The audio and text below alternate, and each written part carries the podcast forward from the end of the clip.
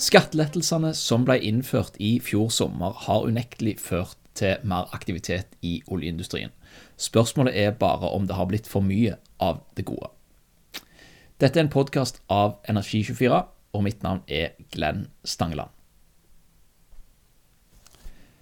Når partiene på Stortinget forhandla om skattepakken, som skal bidra til å holde oppe investeringsnivået på norsk sokkel, så skrev vi i Energi24 en artikkel om de 20 prosjektene som da lå an til å bli realisert.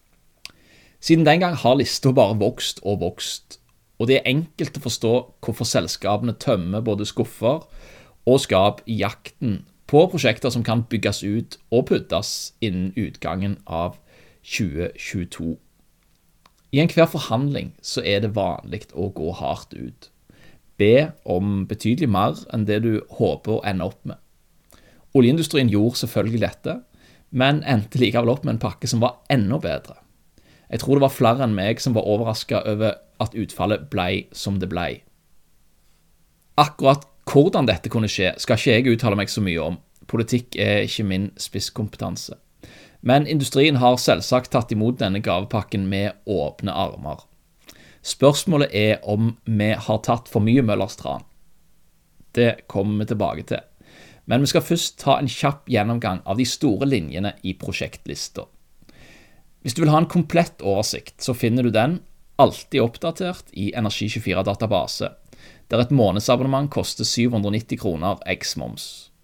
Over 400 selskaper benytter seg allerede av databasen i planleggingen av sine aktiviteter. Der finner du òg detaljer om hvert enkelt prosjekt, i tillegg til oversikter over kommende leitebrønner, havvind, dekom og elektrifiseringsprosjekter. I tillegg har vi Norges beste riggdekning i all beskjedenhet, og muligheten til å søke i alle uønska hendelser fra de siste fire årene. Vi starter gjennomgangen av prosjektlista i nord. Wisting er selvfølgelig det største prosjektet i Barentshavet som vil bli realisert i denne runden. Prosjektet er beregna å koste mellom 50 og 70 milliarder, alt etter om det blir beslutta med kraft fra land eller ikke. Alt av godtafunnet til eh, Johan Nei, til, beklager. Alt av gotafunnet til, mm, til Lundin eh, er ikke store nok til å forsvare en selvstendig utbygging, men dette vurderes nå som tiebacker både til Johan Castberg og Goliat. Eh, Vår Energi bygget Goliat Vest som en liten tilleggsressurs til, til sitt felt, og Snøhvit videreutvikles eh, as we speak. Elektrifiseringen elektrifisering av Melkøy er òg et prosjekt som ble lagt i potten når forhandlingene om, om denne skattepakken tok, fant sted. Eh, der hører vi rykter om at det er litt utfordringer med å få dette gjennom hele partnerskapet, men eh, det er vel et prosjekt som vi tror kommer. I Norskehavet så mangler du de store selvstendige utbyggingene om ikke Shell får Lindorm til å fly med et sånt konsept. Det gjenstår å se, men det er iallfall en del av vurderingen som, som Shell nå gjør. Eh, Halten øst er det største prosjektet i, i Norskehavet. Det er en samling av seks mindre funn som eh, knyttes til Åsgard. Eh, I tillegg så skal òg de andre hubene få sin andel av tilleggsfunn. Både Skarv og Norne har flere funn som operatørene vurderer å knytte til. Eh, I Nordsjøen så er det selvfølgelig Noaka-prosjektet det knytter seg mest spenning til. Men du har òg store reutviklinger som, som Balder og Breidablikk, som allerede er godt i gang. Og så har jo ConocoPhillips to store prosjekter i Tommeliten Alfa og Elfisk Nord som vil bli realisert nå med den nye skattepakken. Eh, I tillegg så er det også her en haug av tiebacks, enten i form av subsea-tilknytninger eller, eh, eller ubemanna brønnhodeplattformer.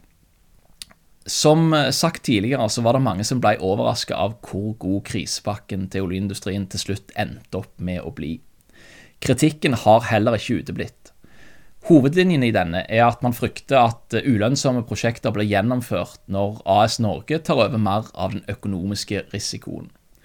Personlig så mener jeg at denne kritikken både bommer og treffer, og det skal jeg forklare litt hvorfor. Oljeselskapene har fortsatt streng kapitaldisiplin og høye internkrav til lønnsomhet i sine prosjekter. Det er derfor lite sannsynlig at de velger å beslutte prosjekter med så begrenset oppside at staten ender opp med å tape penger selv om prosjektet skulle gå på skinner i utbyggingsfasen. Men så viser jo fasiten at norske oljeprosjekter ikke alltid går på skinner. Vi kjenner alle til Goliat og Martin Linge og de milliardoverskridelsene som har vært der.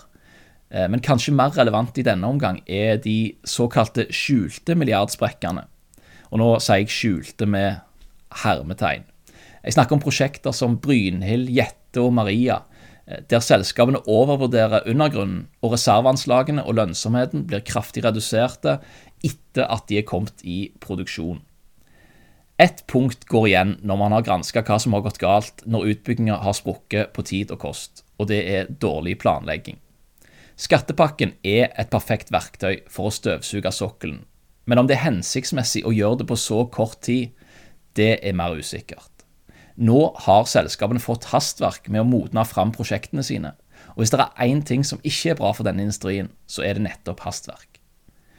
Oljeselskapene vil selvfølgelig gjøre sitt ytterste for å unngå dårlige prosjekter, og mange av prosjektene vil bli lagt tilbake på hylla. Men at det vil bli noen snarveier og kutta hjørner, det er nok ikke til å unngå. Og hva skjer 1.1.2023, når balanseprisen har steget med 10 dollar fat over natta? Hva prosjekter er det da som skal fylle det tomrommet som oppstår, og sørge for at leverandørene har noe å gjøre òg etter 2025-2026? Det er vi spent på å se.